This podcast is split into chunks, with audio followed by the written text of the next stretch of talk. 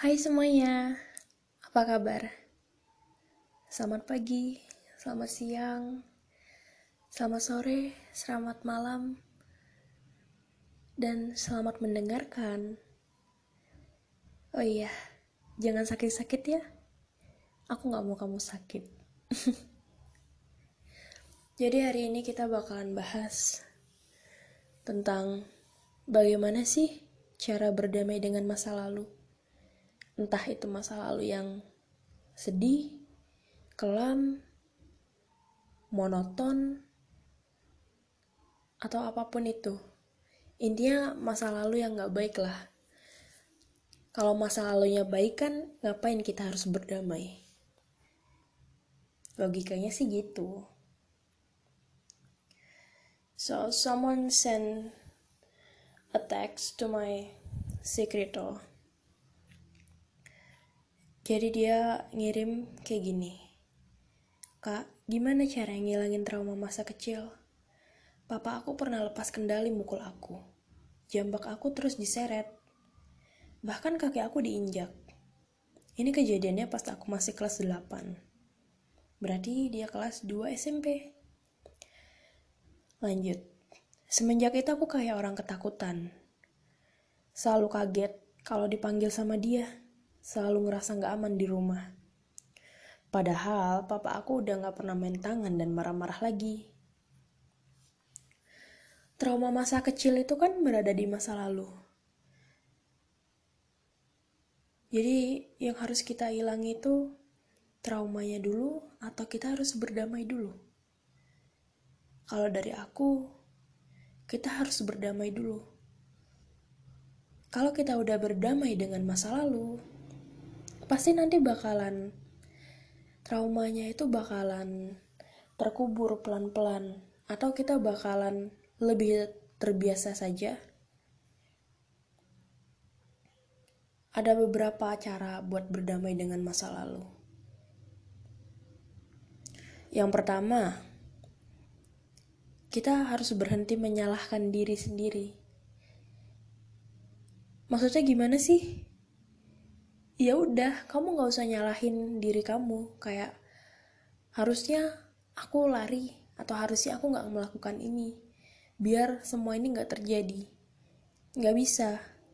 Semua itu bakalan tetap terjadi. Walaupun kamu udah melakukan ini, melakukan itu, kamu tidak melakukan pun emang udah jalannya begitu.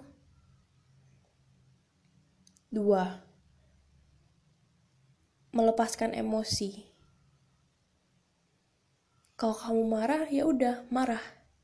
Kamu sedih, ya udah nangis.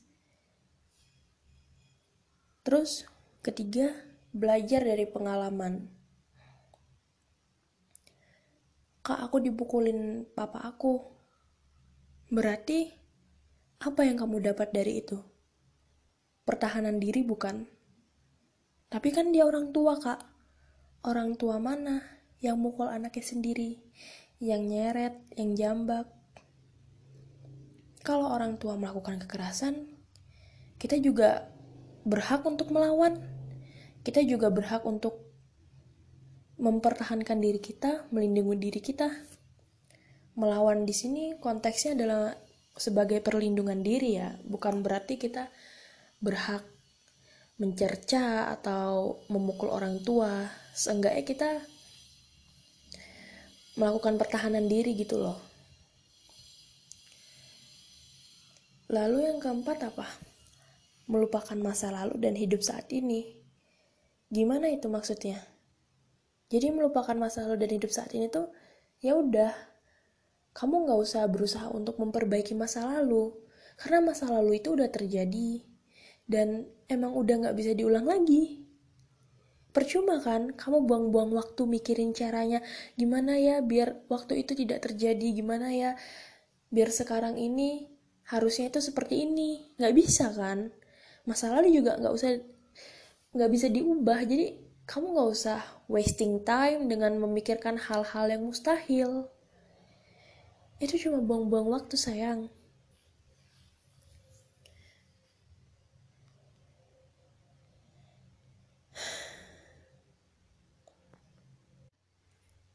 Lalu selanjutnya ada berdamai dengan trauma masa lalu.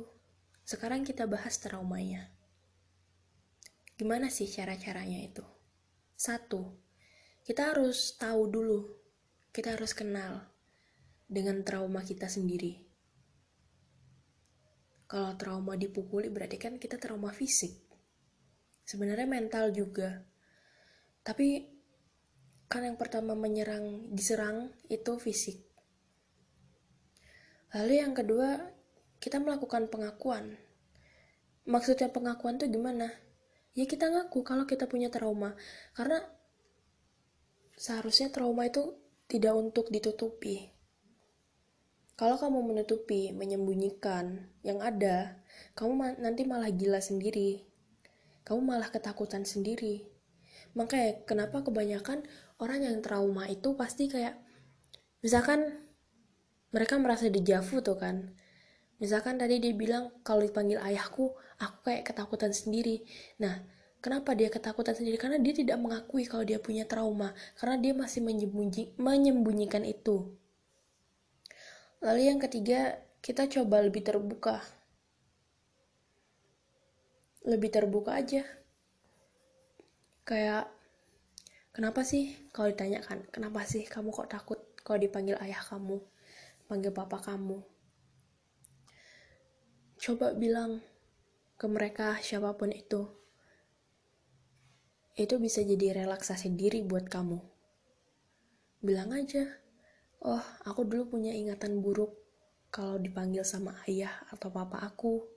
Kamu gak perlu bilang aku dulu dipukulin sama orang tua aku pukulin papa aku Gak perlu seperti itu gunakan bahasa yang lain bahasa yang tidak mempermalukan orang tuamu atau kamu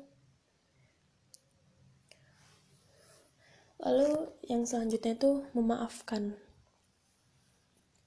Aku tahu ini bakalan menjadi bagian yang tersulit untuk dilakukan. Karena apalagi tentang kekerasan ya. Apalagi itu dilakukan oleh orang tua sendiri loh. Itu emang susah. Tapi aku yakin kamu atau kalian atau siapa pun itu pasti bisa karena sejatinya orang tua itu gak bakalan membenci anaknya, gak bakalan mukul anaknya. Kecuali emosi mereka sedang meluap-luapnya, lalu tidak ada samsak, lalu adanya kamu, akhirnya ditumpahkanlah ke kamu. Ya aku tahu itu sebenarnya salah, sebenarnya itu tidak boleh tapi bagaimana lagi? Emosi itu kan emang gak bisa ditahan. Kamu juga kadang kalau kesal kan gak sengaja bentak orang, caci maki orang, sasarannya juga orang lain kan. Jadi ya gak bisa kita ngelarang orang. Mungkin bisa mencegah, tapi kayak itu terlalu sulit karena emosi itu emang harus diluapkan dan kebetulan ada kamu ya udah terjadilah kekerasan. Tapi emang sebenarnya salah memakai kekerasan itu. Oke, lanjut. Dan yang terakhir ini emang harus diperlukan sih, yaitu terapi, mencari tenaga profesional atau obat-obatan medis. Kalau kalian merasa trauma masa lalu kalian ini mengancam, atau berbahaya gitu, kalian bisa datang ke psikolog. Aku saraninnya ke psikolog dulu karena apa? Kalau ke psikolog dulu itu kalian tuh kan diterapi dulu, kalian mengenali apa trauma kalian.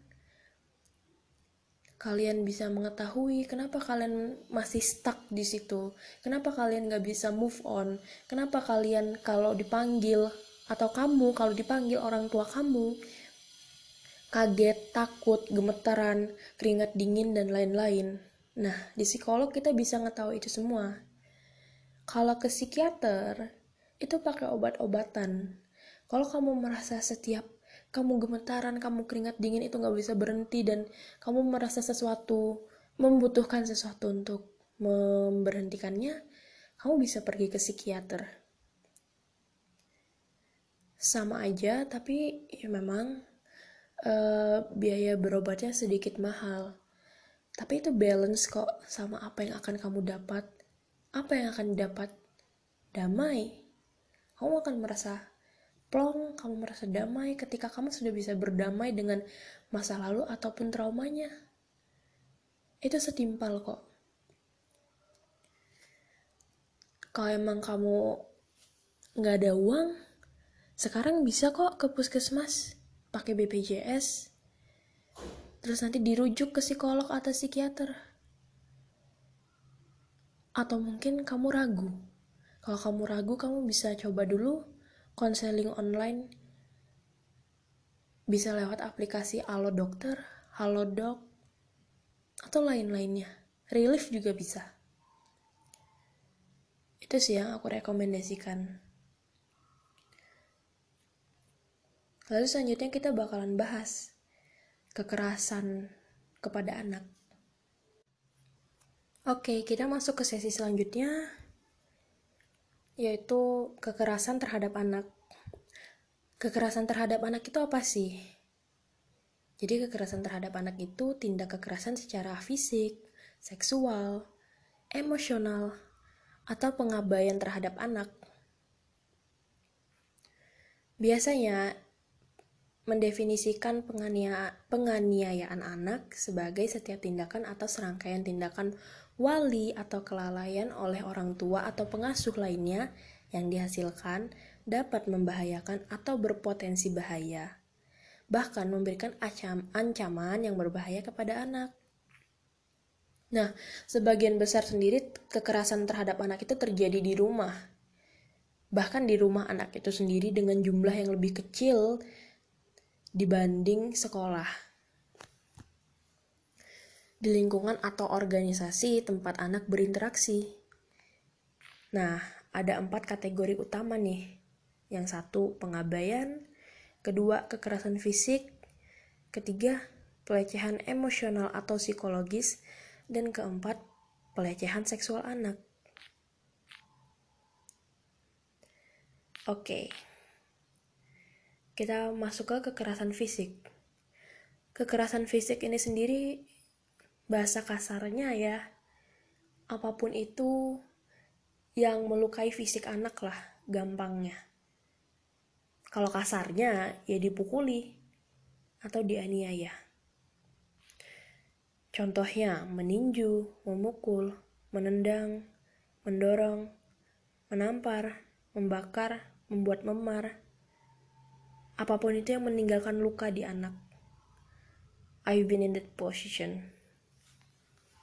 Aku pernah di posisi itu dan wah sakit. Bener-bener kayak berpikir kok bisa sih orang tua aku melakukan itu. Kaget iya, tapi pas udah besar aku kayak sadar, ya akunya sendiri yang salah. Tapi nggak sepenuhnya aku salah sih orang tua aku juga salah cara yang ngasih tahu ya sebenarnya kita sama-sama salah cuma pada saat itu sama-sama egois sama-sama nggak mau mengakui. Oke lanjut. Yang kedua itu pelecehan seksual anak. Pelecehan seksual terhadap anak itu bentuk penyiksaan anak di mana orang dewasa melakukan pelanggaran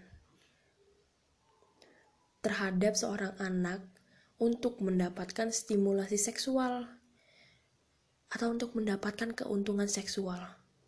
Contohnya apa? Yang paling dekat dan paling sering kita jumpai di Indonesia yaitu pelecehan seksual secara fisik, secara apa ya ngomongnya susah sih untuk dirangkai kata-katanya kayak uh, mereka itu melakukan pelecehan seksual ini demi keuntungan mereka sendiri demi memuasi nafsu mereka demi kebutuhan biologis mereka.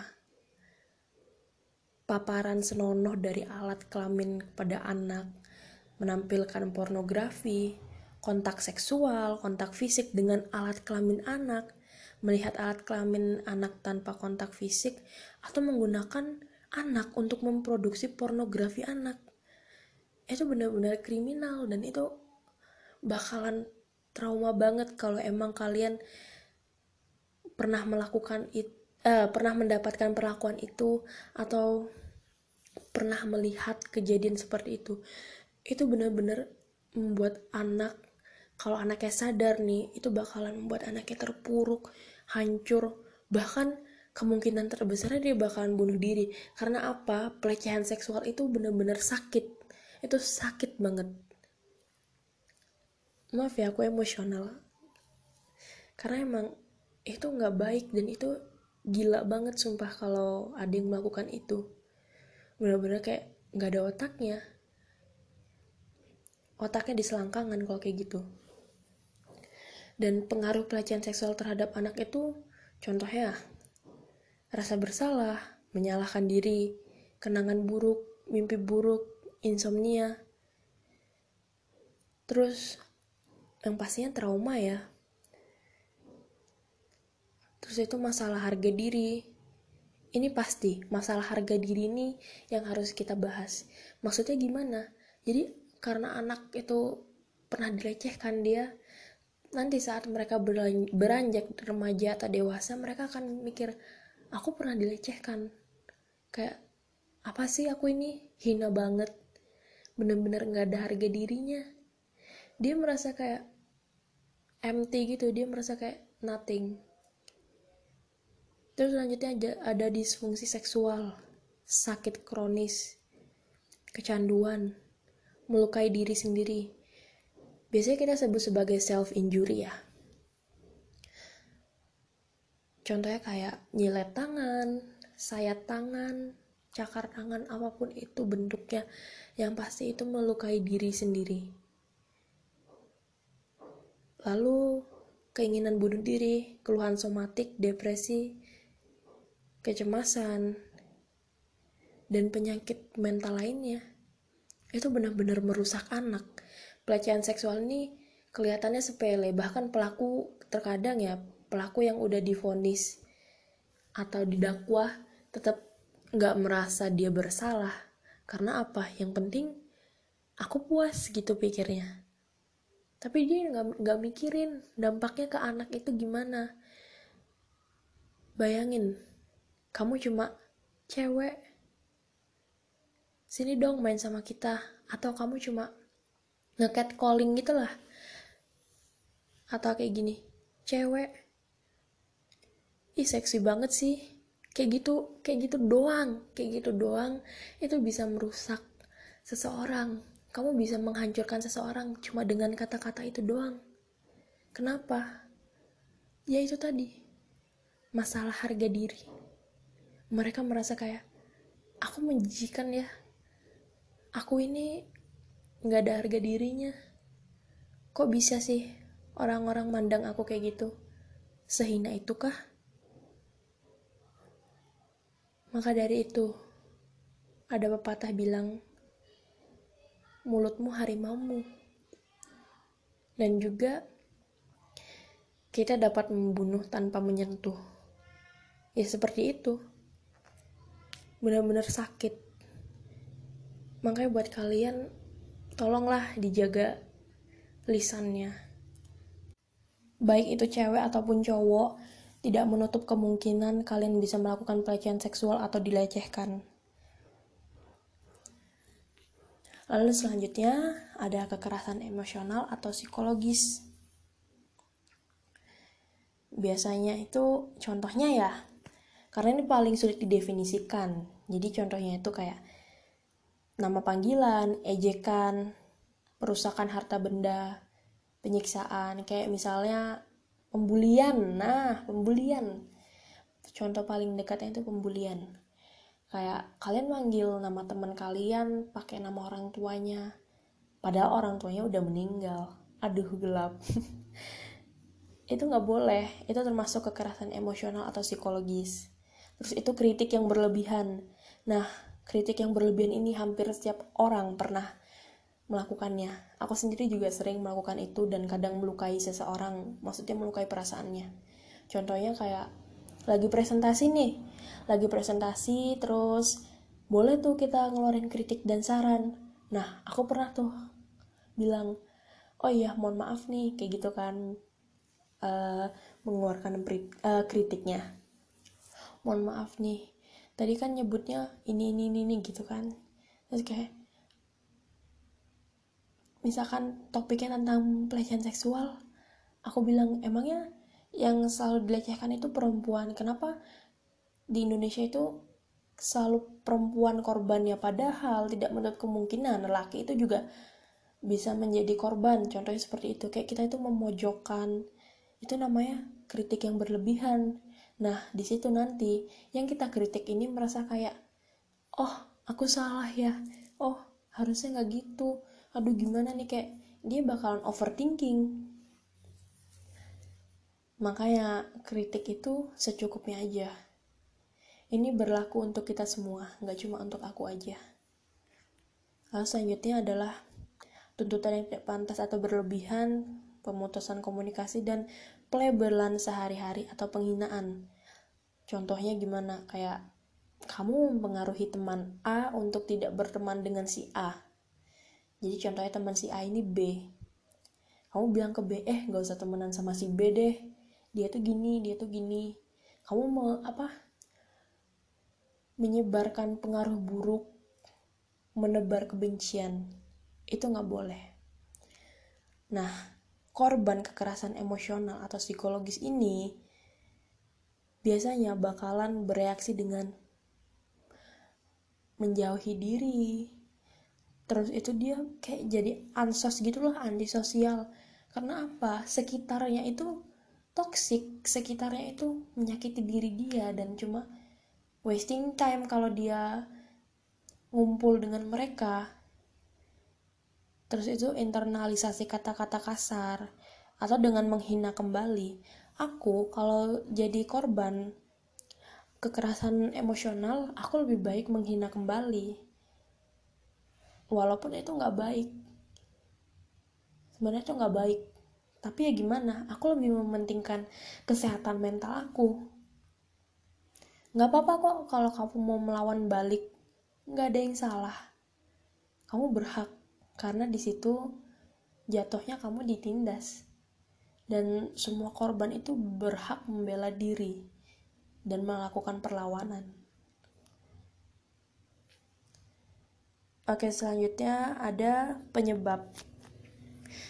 Jadi, kekerasan pada anak itu merupakan fenomena yang kompleks ya, dan bermacam-macam.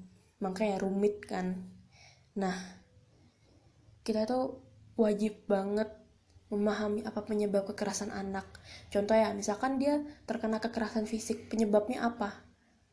Mungkin karena dia tidak menuruti orang tuanya, kalau misalkan dalam lingkungan keluarga. Kalau misalkan dalam lingkungan sekolah dia kena bullying. Apa sih penyebabnya? Mungkin karena mohon maaf mohon maaf banget. Fisiknya tidak sempurna.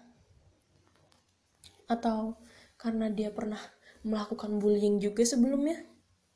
Nah jadi kita juga nggak bisa langsung apa itu namanya langsung mendakwa seseorang Itulah pentingnya melihat sesuatu dari perspektif lain.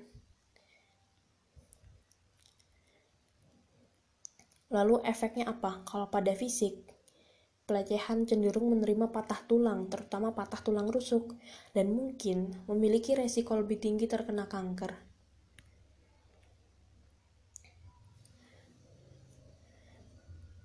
Lalu, bagaimana sih cara mencegah kekerasan pada anak ini? Nah, salah satu cara yang dilakukan oleh pemerintah federal Amerika Serikat pada April 1983 saat itu melanjutkan tradisi Barack Obama ya, Presiden Amerika Serikat Barack Obama mereka menyediakan dana untuk mencegah tindak kekerasan terhadap anak melalui dana hibah berbasis masyarakat untuk pencegahan pelecehan dan pengabaian terhadap anak atau biasa disingkat CBCAP. itu aja sih yang bisa aku sampaikan. Intinya kekerasan pada anak itu apa pun bentuknya pasti fatal. Dampaknya pasti fatal. Dan kita pun bisa jadi pelakunya loh makanya kita tuh nggak bisa langsung ngejudge atau langsung main hakim sendiri itu nggak bisa. Kita harus melihat dari perspektif lain. Kenapa aku kok bolak-balik menekankan perspektif lain? Karena apa? Kalau si A benar belum tentu B salah. Masih ada cara lain untuk benar gitu kan? Biasanya kekerasan pada anak ini juga orang tuanya nggak sadar. Orang tuanya sendiri nggak sadar kalau sudah melakukan kekerasan. Aku sering kok dapat kekerasan. Bahkan kemarin sempat sempat seperti hampir dibunuh. Intinya aku ditodong tapi itu bukan pisau. Kalau kalian tahu itu kayak kayak buat api buat menyalakan api. Aku nggak bisa ngomongnya ya Allah maaf agak sedih. Karena emang waktu itu aku takut. Karena posisinya emang cuma bertiga di rumah. Ada mama aku sama adik dan aku ngelindungin adikku. Ya masalah sepele cuma mungkin karena posisinya mama aku lagi pusing banget lagi benar-benar lagi stres. Karena nggak ada apa-apa terus tiba-tiba adikku kayak melakukan suatu kesalahan kecil yang sebenarnya bisa dimaklumi tanpa kekerasan akhirnya jadi pakai kekerasan karena emang mamaku lagi stres lagi emosi. Ya udah aku juga kaget. Itu bener-bener adekku nangis. Nangis senangis nangisnya aku juga takut. Bahkan aku sempat menghubungi lembaga hukum setempat menghubungi komunitas perlindungan anak di Malang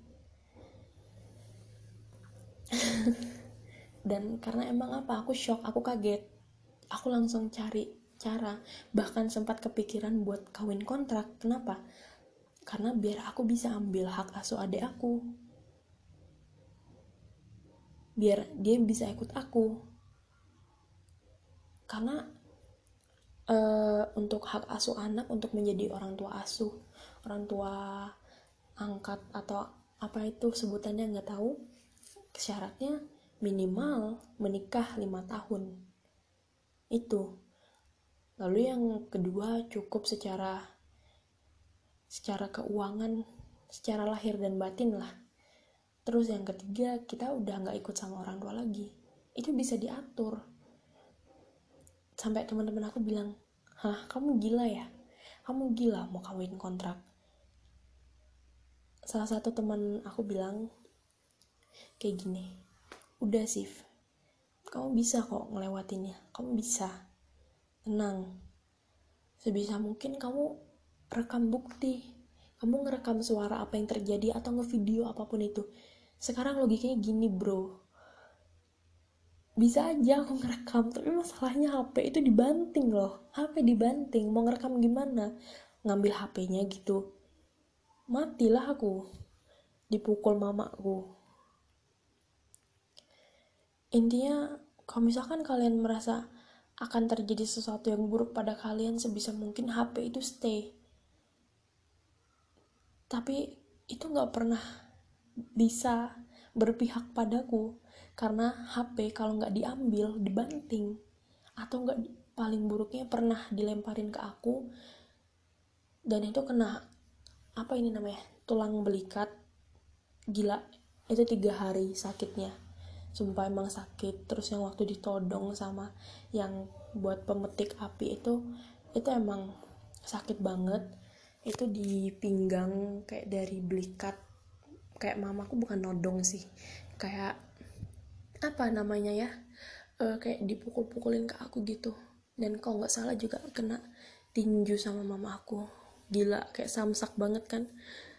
Tapi ya udahlah sekarang aku sama mama udah nggak apa-apa udah akur aja. Mungkin pada saat itu beliau sedang stres beliau emang lagi bingung lagi banyak masalah apalagi waktu itu tanggal tua ya. Ya udahlah yang penting adik aku nggak apa-apa yang penting juga aku sekarang masih remaja belum nikah kok tenang. Aku nggak mau nikah muda. Kecuali calonnya kaya. Nggak nggak canda sayang.